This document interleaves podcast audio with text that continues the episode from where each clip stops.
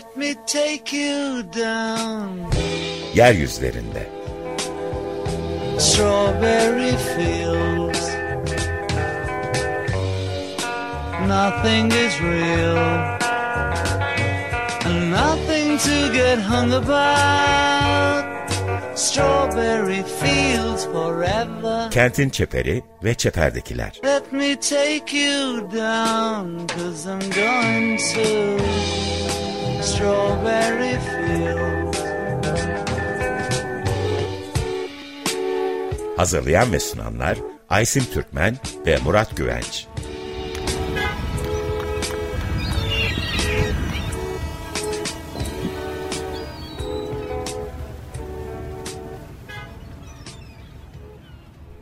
Merhaba sevgili Açık Radyo dinleyicileri. Murat Güvenç ve ben Aysim Türkmen ile yeryüzlerindesiniz. Ee, biz geçen hafta Murat Güvenç ile birlikte e, deprem bölgesinde, deprem bölgesinin kıyısında olan Arsus'taydık.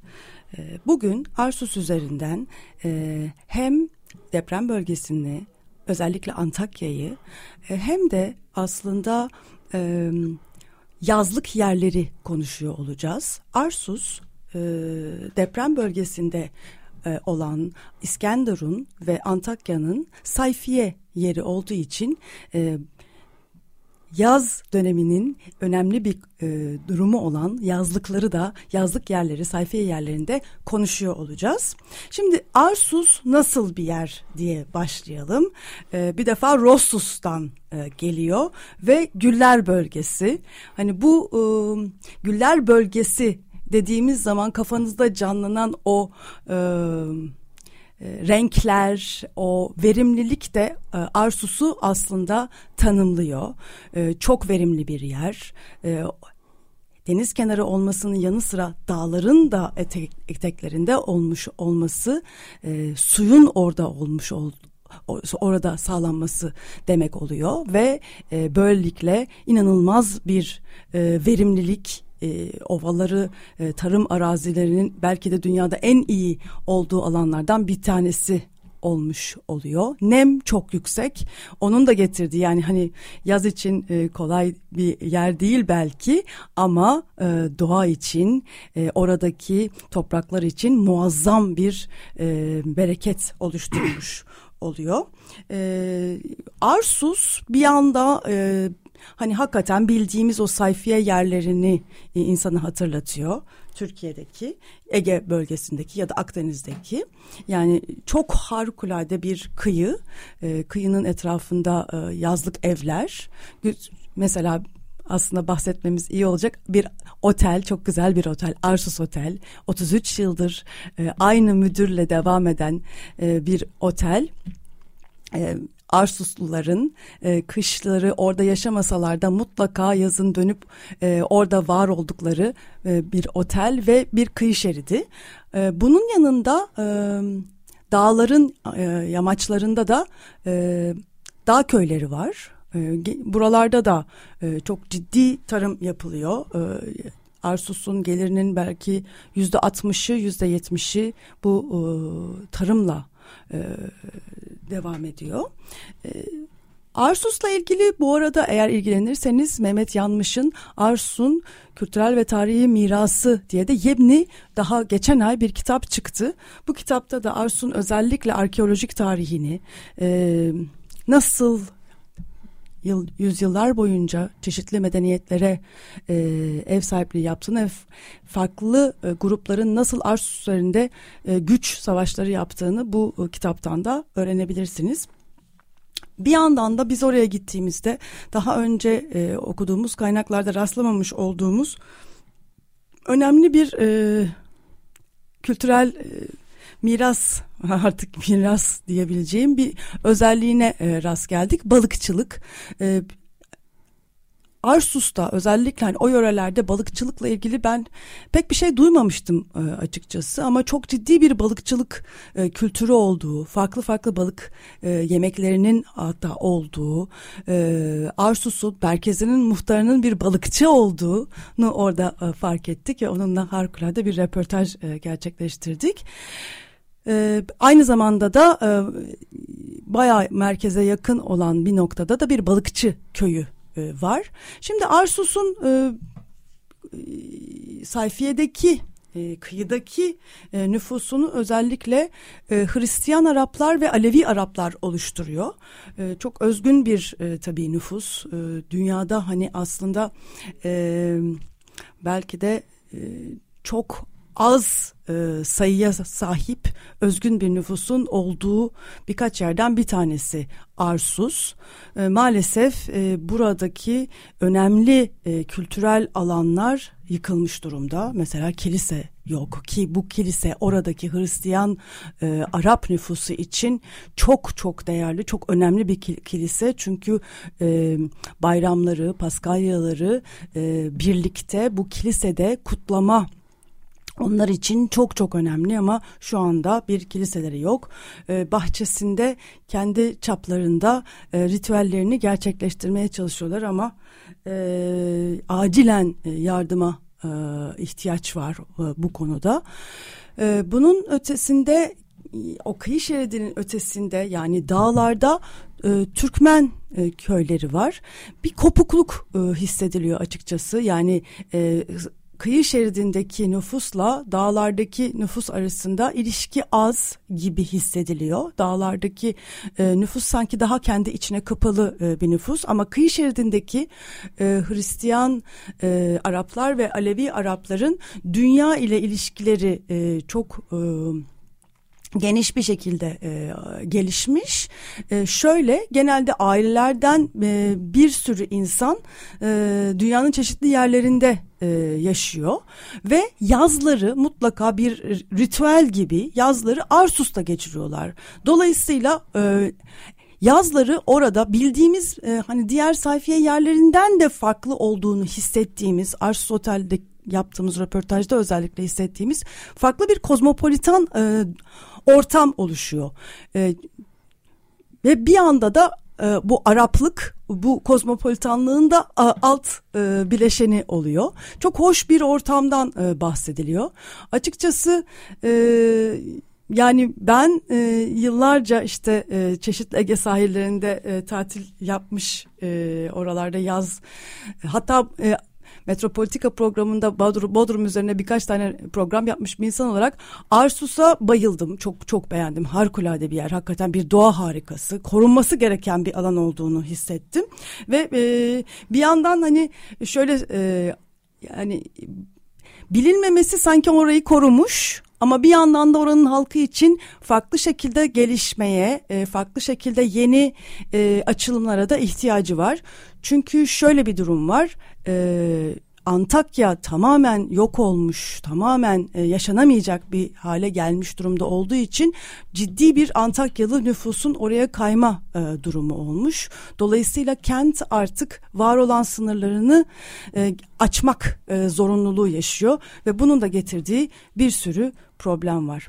Evet, isterseniz e, şimdi e, yavaş yavaş bu Arsus'u böyle bir tanıdıktan sonra bir Arsus'a girdikten sonra e, Arsus'un e, bugünkü halini, burada bugünkü o nüfusla ilgili problemlerini, neler olabileceğini birlikte tartışalım.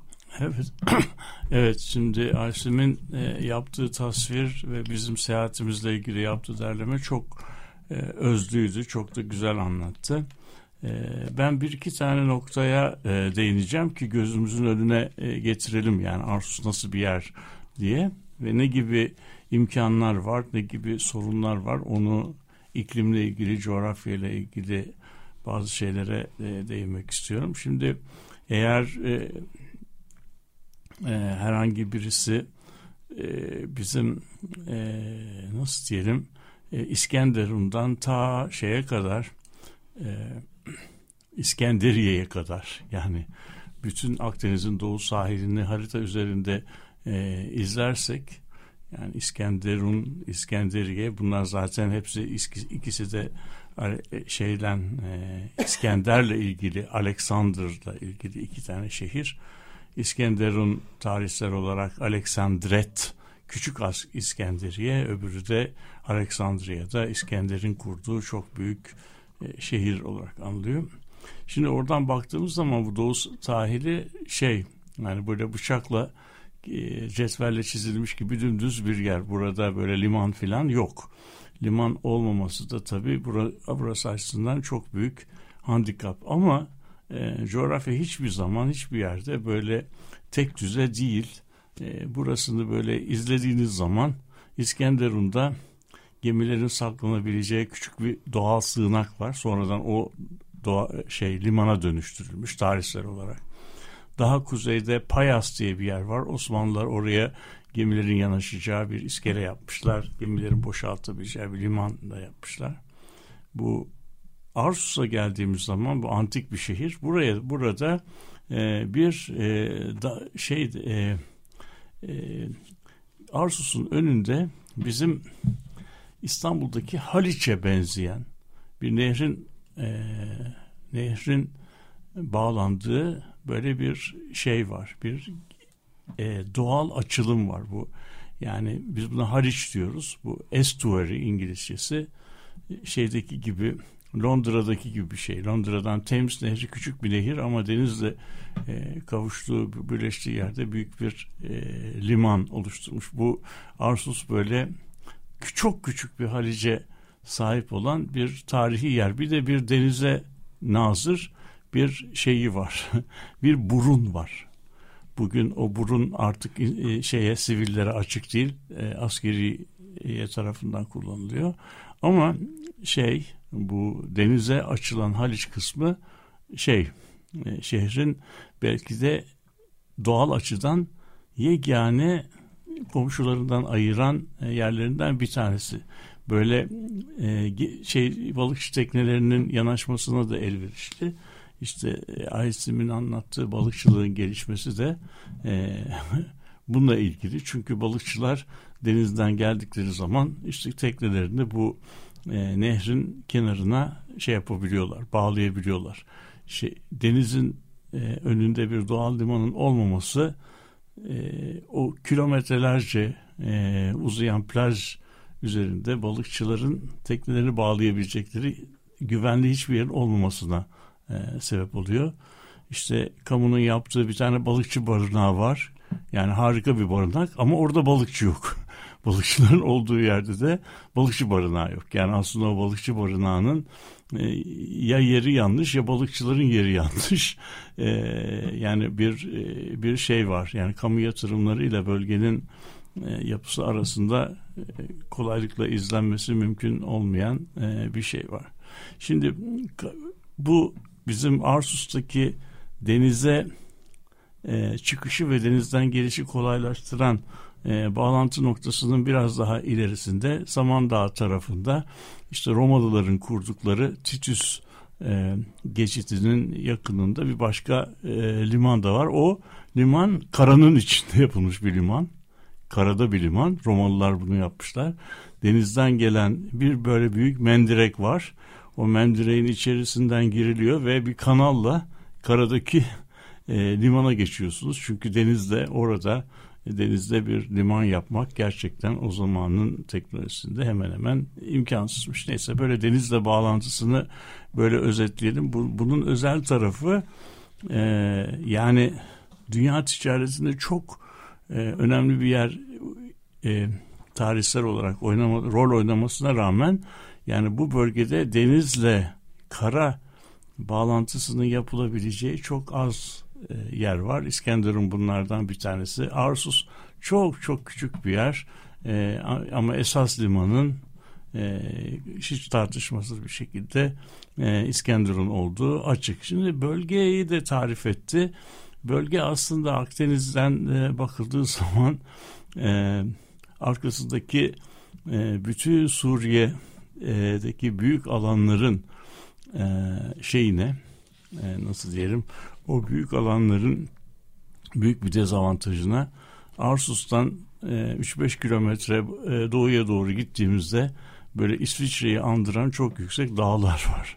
Dağların üzerinde inanılmaz bir vejetasyon ve işte nem ve şey çok güzel bir peyzaj var. Ama Bu peyzaj Arsus için ne kadar iyiyse arka taraf için o kadar kötü. Çünkü denizden gelen nemli rüzgarları, yağışların tamamını bu dağ silsilesi şey yapıyor, e, kesiyor.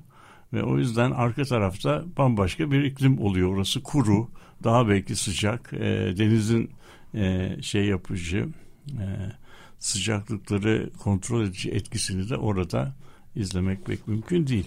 Şimdi deniz demek ki deniz kıyıda 2-3 tane liman arkasında bir dağ sırası böyle bütün bir büyük bir dağ sırası ki bu dağ sırası Antakya ile deniz arasında bir engel oluşturuyor. Bu dağ sırasında bir tane geçit var. O geçitte Antakyalıların e, denize bağlanmasını e, sağlıyor. İşte Belen geçidi dedikleri geçit o. Yani bu geçit haricinde büyük e, şeylerin e, efendim e, batıdan gelen büyük gabarili araçların Antakya'ya geçebilecekleri başka bir yol yok. Ondan sonra o Antakya tarafında ise ikinci bir dağ sırası var. O iki dağ sırası arasından da bu depreme şey neden olan e, fay hattı e, geçiyor. Yani günümüzden e, belki dünya o tarihleri kadar yaşarsa milyonlarca yıl sonra bu iki dağ sırası arasında bir deniz oluşacak. Yani bu iki taraf e, kıtalar buradan birbirinden ayrılıyor. Yani bu fault line denen şey Kızılderisi'den başlayan bu iki parça birbirinden e, belki de e, ayrılacak. Araya da arada da bir deniz olmuş olacak. Şimdi bu yapının bu yapının o iki dağ sırasında kalan e, vadi gibi şeyde e, onun üzerindeki e, yerleşmelerde bizi e, deprem bölgesi diye andığımız Kahramanmaraş, Gaziantep, Malatya kısmına gö- götüren yani Güneydoğu Anadolu'yu e, ile Antakya'yı bağlayan e, yolu oluşturuyor. Şimdi bu yol çok önemli çünkü bu yol üzerindeki bütün yerleşmeler aslında dünya ile bağlantılarını İskenderun Limanı ve e, Hatay vilayeti üzerinden e, kuruyorlar.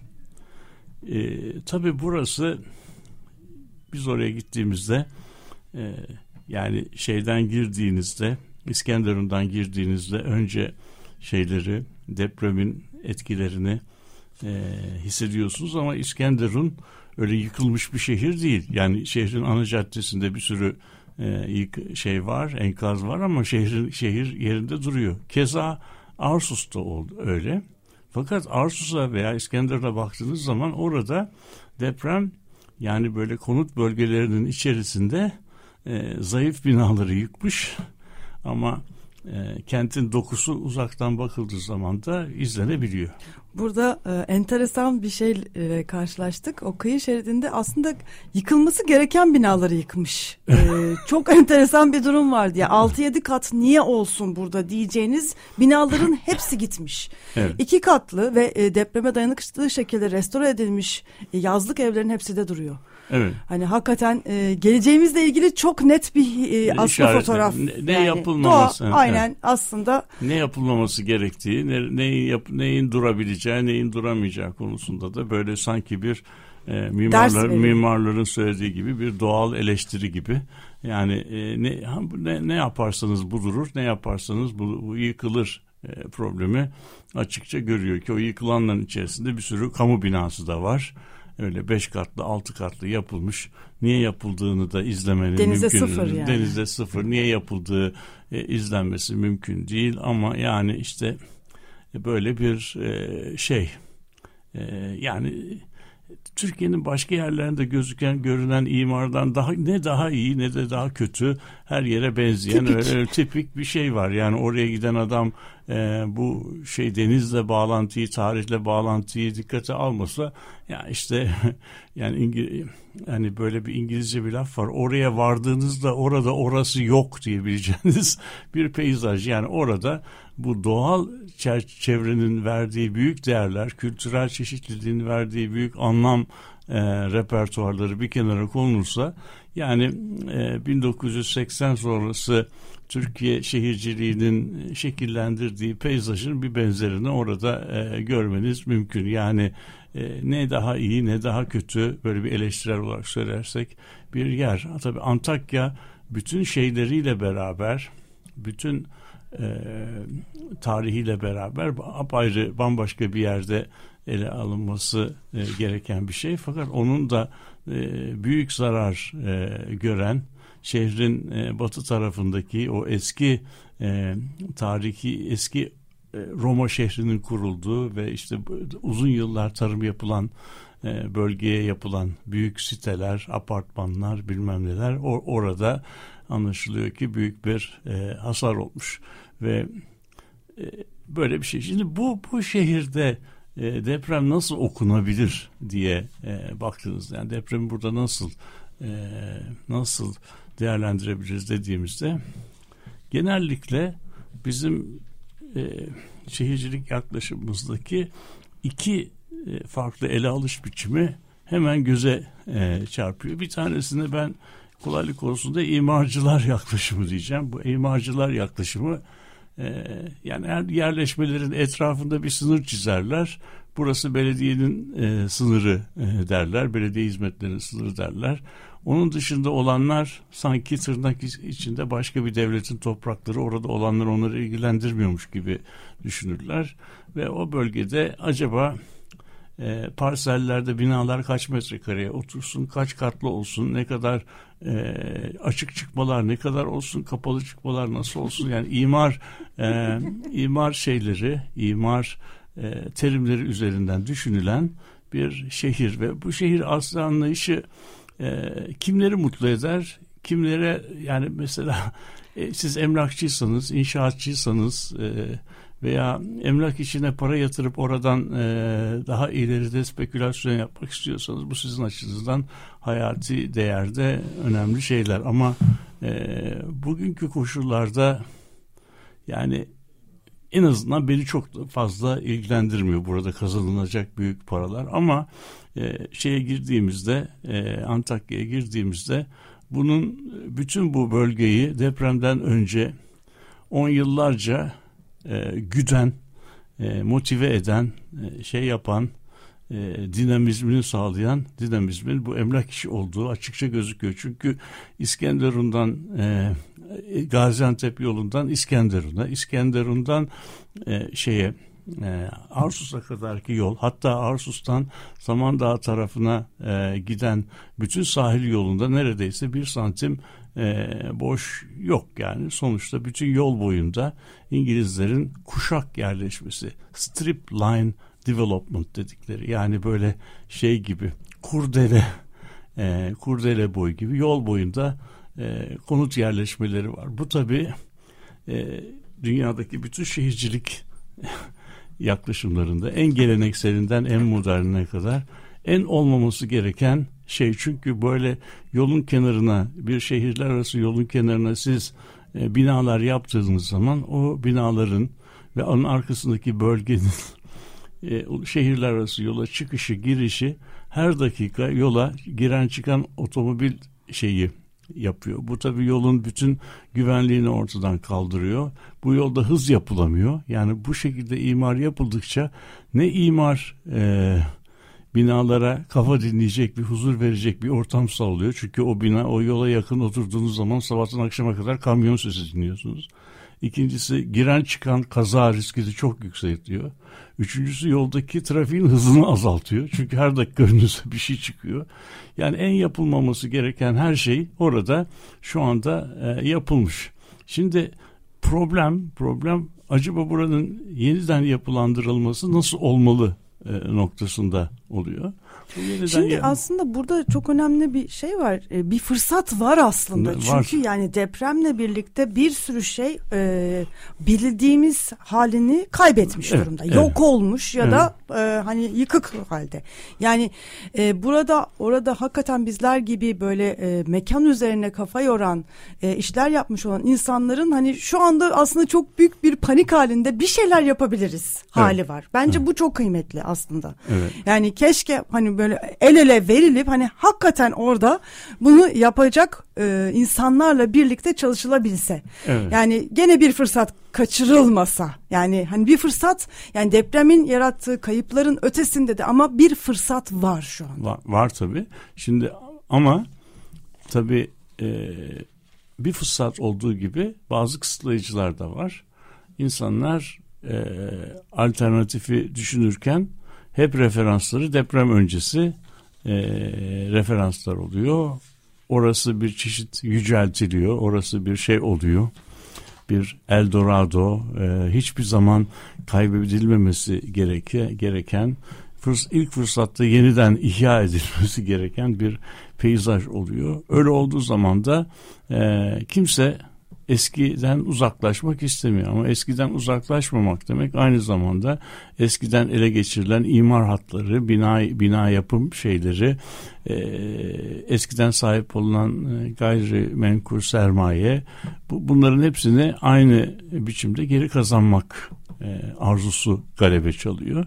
Ve yani bugün doğrusu e, bölgede düşündüğünüz zaman pek fazla açıkça dile getirilmese de yani e, burasının eski eski haline getirilmesinin yeter olduğu, yeterli olduğu, eskiden her şeyin çok güzel olduğu e, bir yapı. Halbuki e, demin Aysim'in de söylediği gibi bu deprem birçok sorunlu şeyin e, gelişmenin aslında yeniden düşünülmesi, yeniden tasarlanması ve kimseyi de çok da fazla insanı şey yapmadan, e, zarara uğratmadan e, düzeltilmesi açısından e, imkanlar yaratıyor.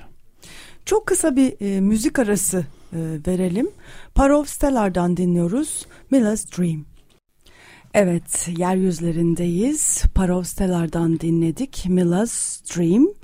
Deprem bölgesinde depremden görece daha az zarar görmüş olan Arsus üzerine konuşuyoruz. E, yaz döneminin e, de e, önemli bir bölgesi, bir e, sayfiye yeri olması açısından aslında e, birçoğumuzu da e, ilgilendiren yaz e, konutları, ikincil konutlar üzerine de konuşma fırsatı açıyor bize Arsus. E, Programın ilk bölümünde Arsus'un nasıl bir yer olduğu, e, nasıl bir coğrafi konumda olduğu, nasıl bir sosyal yapıda olduğunu e, konuştuk. E, şimdi de aslında bu depremle birlikte oluşmuş olan yeni bir yapılaşma fırsatı nasıl olabilir? Biraz bunları konuşacağız. Şimdi burada gene hani belirli dinamikleri ne Arsus? Arsus'un. Belki onlara bir kısaca e, bahsederek e, bu e, hani bu bölümü e, şekillendirelim. E, şöyle e, şimdi çok ciddi bir nüfus artışına e, maruz kalacak. Çünkü e, bölgenin belki de e, en yaşanabilir yeri. Ee, bir de zaten e, İskenderun'da ve Antakya'da yaşayan e, orta sınıf ve orta üst sınıfta olan e, nüfusun yazlıklarının olduğu yer olduğu için evleri yıkılan Antakyalıların birçoğu zaten hemen bu yazlıklarında yaz kış yaşamaya başlamış durumdalar. Antakya'dan ciddi bir nüfus var ancak Tabii bu nüfus da orada ne kadar kalıcı olacak? E, bununla ilgili de çok iyi düşünülmesi gereken, bugünden itibaren planlanması gereken durumlar var. Yani bu nüfus geldi ama bu nüfus e, bir dönem sonra gidecek e, yani Antakya oluşmaya başladıkça gidecek ya da başka yerlere kayacak. Ama minimumda e, bunu biz masada uzun diye düşündük birlikte birkaç arkadaşımızla birlikte sevgili Şule Can'ın e, daha önce yapmış olduğu göç çalışmalarından da bize söylediği minimum yüzde otuz nüfus burada kalacak.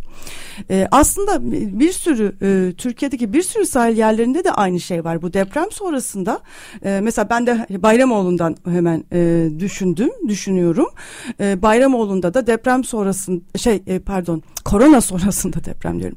Korona sonrasında korona döneminin sonrasında gelen nüfus orada korona döneminde yaşayan nüfusun bir kısmı kaldı. Yani Bayramoğlu aslında bildiğimiz daha kalıcı yerleşime e, dönük e, bir yapılaşmaya doğru gitti ama tam da geçmedi. Yani böyle arada kaldı. Arsus'ta da şimdi e, başlayan bu nüfusla olan kentleşme daha sonra bir yarı yarıya düşecek desek ya da yüzde bir iki bölü üç düşecek desek gene arada derede bir yer olarak kalacak. Yani bunu aslında sadece Arsus üzerinden değil biraz daha genel olarak düşünmemiz lazım. Yani korona ve depremle birlikte ve e, bir de bu çok önemli kira artışlarıyla birlikte e, bir sürü e, kentteki bir sürü sorunlarla birlikte aslında bu ara dere yerlerin çok fazlasıyla artacağını görüyoruz ve kıyı e, şeridinde yani bütün Türkiye'deki kıyı şeridinde böyle e, farklı bir nüfus yapılaşmasının oluşacağını görebiliyoruz. Çanakkale keza öyle. İşte Asos'ta çok ciddi bir e, şey var. Artık göç var. Bodrum e, zaten böyle. Yani böyle bir aslında ikinci konutlara, yazlıklara yeni işlevlerin yüklendiği yeni bir döneme geçiyoruz aslında. Bu bu göçü, bu şeyi e, planlama açısından çok iyi değerlendirip dünyada nasıl yaklaşımlar var, nasıl düşünmemiz gerekiyor? Yani biraz Arsus üzerinden daha genel bir şekilde hepimizin hayat hayatlarıyla e, birebir e, ilişkili bir genel anlamda bakmakta fayda var diye düşünüyorum. İşte Aysim'in şimdi demin söylediği bu problem. Bence e, Türkiye'de yerel yönetimler ve yerel yönetim üzerinde, yerellikler üzerine düşünenlerin karşısındaki temel e, temel problem. Şimdi artık bir yerleşme nasıl kavramsallaştırılabilir? Bir tanesi yerleşmeyi esas olarak alırsınız. Yerleşmenin sınırının bittiği yerden sonrasını da kırsal olan toprakları gibi düşünürsünüz. Orası artık yerleşme değildir. Bu aslında bizim e, bildik şehir analizlerinin, konvansiyonel şehir analizlerinin şehir tanımıdır. Yani burada şehir bir yerde biter, onun bittiği yerde de şehir olmayan şey başlar. Ama e, son zamanlarda özellikle 80 sonrasında belki Amerika'da daha önce 1960'lardan sonra başlayan e, gelişme özellikle işte e, özel araç sahipliğinin yaygınlaşması e, şeyde e, mekanda hareket etmenin daha kolay olması, iletişim imkanlarının internetin, telefonun, televizyonun çok artmasıyla beraber birçok iş artık şehir dediğimiz şeyin tam merkezinde yapılmak zorunda değil. Çeperde de yapılabiliyor. Özellikle çok fazla insanın çalıştığı rutin işlerin yani tekrarlanabilir işlerin şehir merkezinde yapılmasının hiçbir e, gereği yok. E, bu rutin işlerin aslında büyük bir kısmı bugün artık bir iş yerinden de yapılmak zorunda değil. Yani bu çağrı merkezleri veya e, bu tür e, nasıl diyelim rutin iş, işler artık pek kolaylıkla konutlardan da yapılabiliyor. Türkiye'de yaşayıp Amerika'da e, iş yapan pek çok e, bağımsız çalışan var. Amerikan şirketleri Türkiye'de dil bilen e, iyi eğitim almış e, insanları kendi şirketlerinde sanki Amerika'da çalışıyormuş gibi istihdam edebiliyorlar. Bunlar gecenin bize göre bir saati kalkıp Amerika'da ki iş arkadaşlarıyla beraber uzaktan çalışabiliyorlar. Şimdi böyle böyle bir şeylerin yaşandığı bir toplumda artık şey artık bizim e, e, bizim dünyamız eski dünya değil eski dünya olmaması şehirlerimiz de eski şehirler değil. Böyle e, eski şehirler olmadığı için de e, bu şehirleri nasıl kavramsallaştırmamız gerektiği konusunda da biz çok şey değiliz. E, nasıl diyelim? Hazırlıklı değiliz. Bunu gündeme getirdiğimiz zaman da e, çok şaşırtıcı reaksiyonlarla karşılaştırmak mümkün olabiliyor. E, dünyada aslında işte biz bizim bu programımızın zaten e, ismi olan Çeper kentlerin oluşması e, yıllardır tartışılan, konuşulan, e, klasik artık bazı şeylere geçmiş olan bazı noktalar var. Ancak yani mesela Ars örneğinden düşündüğümde e, Şimdi hani e, program boyunca aklıma gelen bir şey e, Türkiye'deki de biraz daha özgün bir şey. Çünkü yani mesela sayfiyelerin aslında bu hale gelmesi. Yani mesela Amerikan kentleşmesini hani Amerikan çeperleşmesini düşündüğümüzde orada yani bunun için konu yani böyle iki, ikincil konut değil birincil konut olarak yapılmışlar. Ama mesela ben İstanbul için düşünüyorum yani e, genelde ikincil konut olarak sanki düşünen yani Zekeriya köydeki yerleşimleri bile biz sanki yazlıkmış gibi gibi algılıyoruz hala da. Dolayısıyla evet. buradaki şey daha farklı. Daha bambaşka. O yüzden hani e, bu dünyadaki şeylere bakıp bir, bir yandan da buraya özgü düşünmek de gerektiğini hissediyorum şu anda. Evet çok doğru. çok doğru. Burada yani günümüzün işte e, kent e, kuramcısı Saskia Sasen'in e, şehir merkezlerinin çeperleşmesi yani toplumsal yaşamın çeperindekilerin aslında şehir merkezlerinde var olabilmesi. Çeperin ise merkezleşmesi. Yani merkez çeperleşirken çeper merkezleniyor, merkezleşiyor. Yani bu durumda eskiden sadece merkezde bulunan şeylerin büyük bir kısmı artık çeperde temin edilebiliyor. Çeperdekiler de eski çeper sakinleri de artık çeperde barınamayıp şehir merkezlerinde kendilerine göre nişler açıyorlar. Bu dünyanın pek çok şehrinde böyle. Yani o zaman bizim programımızın jingle'ında olan çeper çeperdekiler demek çeper aslında kentin yeni merkezi gibi oluyor. Yani kent o zaman çeper üzerinden düşünme, düşünülmesi gereken bir şey haline geliyor.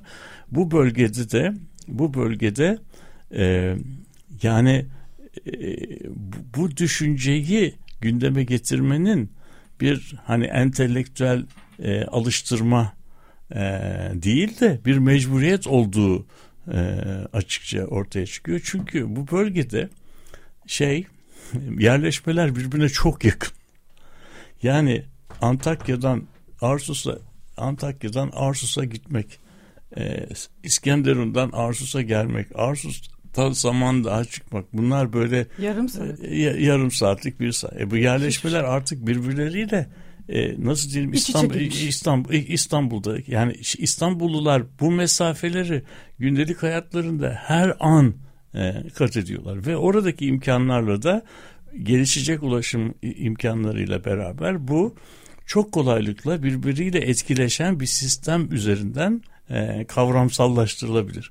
Bu etkileşim yani Antakyalıların Arsus'la kurdukları etkileşim eskiden hani Antakya'da yaşayıp denize Sayfiye'ye Arsus'a gitmek gibi yaşadıkları şey şimdi artık Antakya'da yaşayamadıkları için ailenin Arsus'a taşınması belki aile reisinin iş için zorunluluk nedeniyle günde yani Arsus Antakya şeyini yapması nasıl diyeyim gündelik e, nasıl diyeyim iş yeri konut bağlantısını yapması akşamın tekrar gelmesi şeklinde e, tezahür edecek. Keza mesela Bayramoğlu tam böyle oldu. Yani evet. bizim e, işte Bağdat Caddesi'nde ve civarında yaşayan e, Anadolu yakası sakinlerinin yazlık yeri olan Bayramoğlu'nda şimdi kalıcı yerleşimler var ve Bayramoğlu'nda yaşayanların e, çok büyük bir kısmı İstanbul'da çalışıyorlar. Şimdi evet bunu bunu bak tarihsel olarak bir küçük parantez açalım. 1855'lerde ee, şirkete Hayriye Boğaz vapurları işletmesi e, ortaya çıktığı zaman e, şeyde Osmanlı e, ve şeyde e, Vekiller Meclisi'nde e, bu tartışılıyor. Bu, bu tartışmada Osman Nuri'nin şeyinde var, kitabında var. 8 sayfalık çok ünlü bir e, tartışmadır. Orada diyorlar ki ya bu vapurlar yapılsın mı yapılmasın mı? Hangi argümanlar vapurların yapılmasını teşvik ediyor? Hangileri e, hangileri de bu vapurlar olursa bunun ne gibi şeyleri olur? Hani kötü yan etkileri olur diye.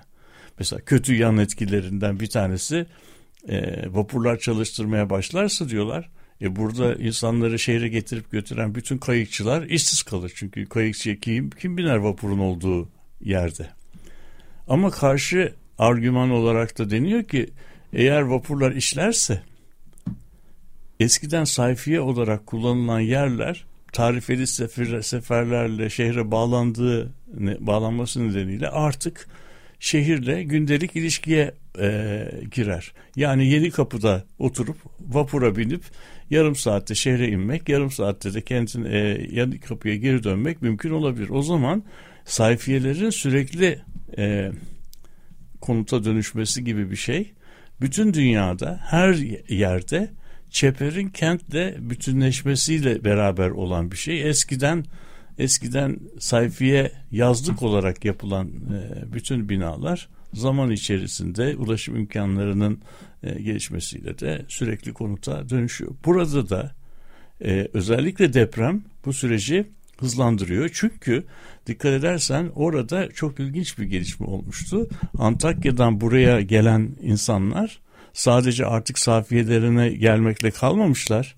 Antakya'nın e, Antakya'nın e, nasıl diyelim imarının uzun süreceğini düş, düşün, düşünerek e, şey yapmışlar. E, dönercilerini, dönercilerini, dükkanlarını artık şeyde açmaya başlamışlar. Yani e, e, Abdo Döner açılmıştı mesela Arsus'ta. Evet. E, Afvan kahvesi açılmıştı. Arsus'ta. Evet. E, bunlar çok önemli. Tabii. Gastronomiyi hemen getirmişler. Evet. En güçlü noktaları ve yaşayan kültürü hemen taşımışlar. Evet. Tabii bu bu oluyor da yani bu ne, e, ne aynı oluyor? zamanda aynı zamanda e, eskiden var olmayan e, gerilimleri de yaratıyor. Arsuslular diyorlar ki bunlar geldiler bütün buradaki dükkan açmaya başladıklarından sonra artık Arsus'un nasıl diyelim yerel e, egemenliğine de bir tehdit oluşturmaya başladılar. Çünkü artık onlar e, Antakyalılar buraya gelip dükkan açarlarsa Antakyalılar Antakyalılardan alışverişe e, başlarlarsa o zaman bizim e, Antakya e, modelimiz şeyimiz diyelim ki e, o, o bizim e, Antakya'daki e, tırnak içindeki şehir hakimiyetimiz Antakyalıların eline geçecek. Yani Arsus'taki, Arsus'taki hakimiyetimiz şey geç. Şimdi bu şeyi, bu süreci, bu süreci şehirlerin kendi egemenlik alanlarını korumaları gibi düşünmek mümkün.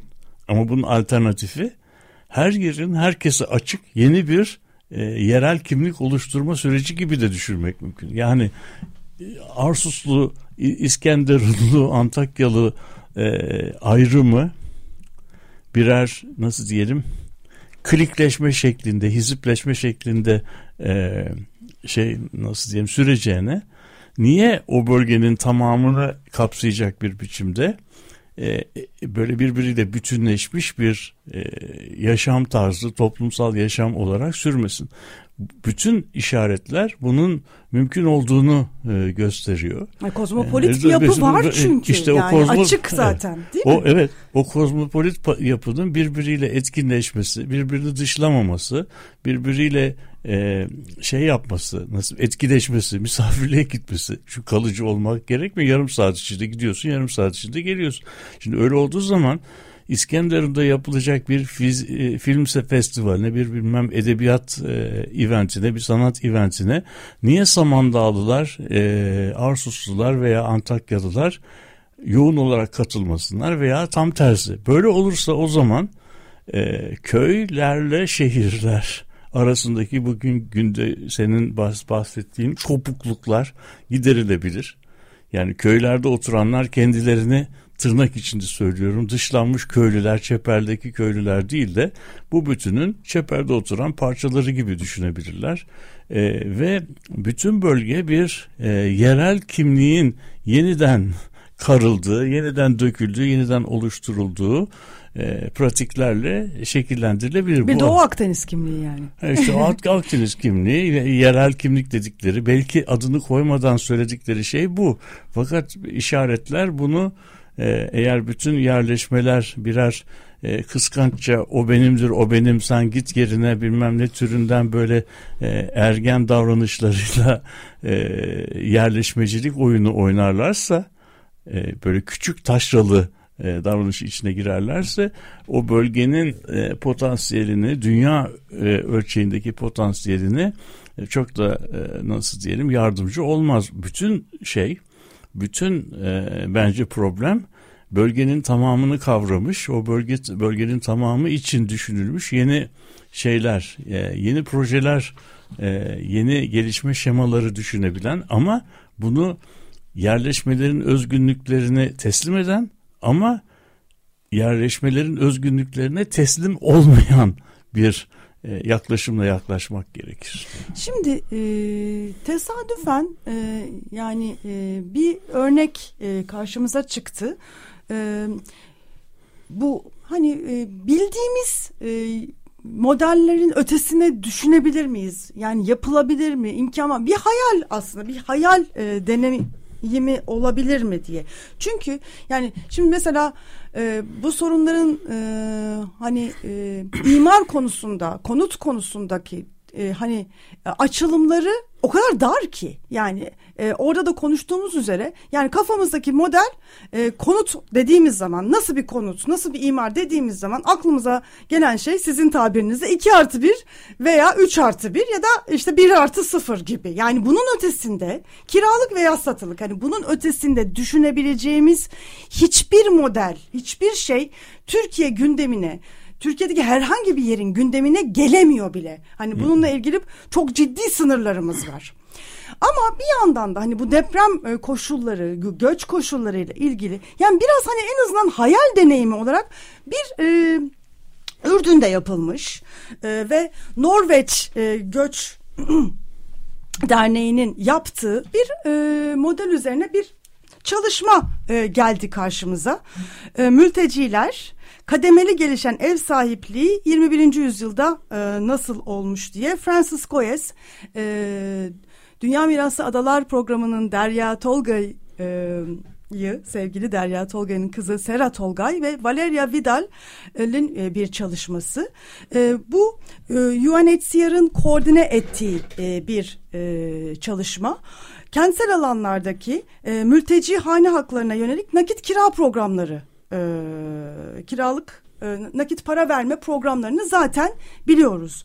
E, bunun yerine e, Ürdün'de ev sahiplerine evlerinin genişletilmesi için gerekli e, belirli bir para yardımı yapıyorlar. E, normalde bir senede ya da beş senede yapabilecekleri e, hani evleriyle ilgili genişletme, bir şeyler ekleme e, masraflarını e, bu e, bu düzenleme üstleniyor e, ve mali destek e, sağlanıyor. E, ev sahiplerine de bunun karşılığında orada oraya gelecek mültecilere iki yıla kadar ücretsiz e, kiraya vermeleri. Yani hemen iki ayda e, mesela ev, evlerinin yanında bir küçük Mesela bir pansiyon olarak daha sonra işletebilecekleri bir şey yapmaları imkanı sağlanıyor ama bir buçuk iki sene o mültecilere de ev sahipliği imkanı, e, e, kiracı olma imkanı veriliyor. Barınma. Barınma pardon. Barınma imkanı veriliyor. Heyecanlandım çünkü hani yani hani bunun hayal edilmesi bile ya bu Ürdün'de olabiliyor. Orta Doğu'da olabiliyor bu. Yani böyle farklı bunun hani bir versiyonu, bir farklı düşünülmesi. Neden Arsus'ta olmasın? Çünkü mesela hani dediğimiz gibi yazlık evler yani bir katlı, iki katlı ve bahçeleri olan hani genişlemeye de uygun ve pansiyonculuğun da aslında işleyebileceği bir yer olarak gözüküyor Arsus. Yani turizme özellikle ekoturizm gibi böyle alternatif turizme çok imkanlar sağlayabilecek 9 ay e, turizm sezonu yaşayabilecek muazzam bir e, kapasite. Büyük oteller işte geniş geniş alanlar e, yapmak yerine e, yani böyle farklı bir şekilde turizme de e, geçebilecek. Yani daha küçük, daha butik, daha sevimli, daha yerel bir şekilde olmasını sağlayacak. Hani böyle modellerle gitmek, böyle böyle modelleri orada düşünmek. Bu kadar mı imkansız diye hani çünkü çok sıkışık bir yerdeyiz yani. Şey Evet. 2 artı 1, 1 artı 0, 4 artı 1. Yani bununla e, hayatlarımız gidiyor. Yani hani ve de hani şimdi tam bu çeperleşme döneminde yani bu yazlıkların aslında kalıcı konutlara dönüşme bütün Türkiye'de bunun gördüğümüz ve olması gereken bir süreçte acaba farklı şeyler düşünülemez mi? Bu yazlıkların mesela kalıcı konutlara dönüştürülmesi için mali kaynaklar e, farklı fonlarla sağlanıp bu bu, bu noktada da mesela e, depremzedelerin buralarda barınabilmesini sağlamak. Yani tabii söylediğine katılmamak mümkün değil. Ben de bunun depremin bu konuda alternatifleri düşünmek için bir fırsat oluşturduğu e, kanısındaydım ama ne yazık ki e, şey yani entelektüel bagajımız müthiş ağır ve bunu aşmak için çok derin çalışmalar lazım. Yani benim doğrusu e, ilk izlenimlerin orada çok cesaret verici olmadı. Başka e, boyutları var ama bu çok önemli bir nokta senin gündeme getirdiğin. Niye biz alternatifleri düşünemiyoruz sorusu üzerinde düşünmemiz lazım. Evet programın sonuna geldik. Arsus ve Türkiye sayfiye yerlerini konuştuk bu programda yeryüzlerinde. İyi haftalar diliyoruz.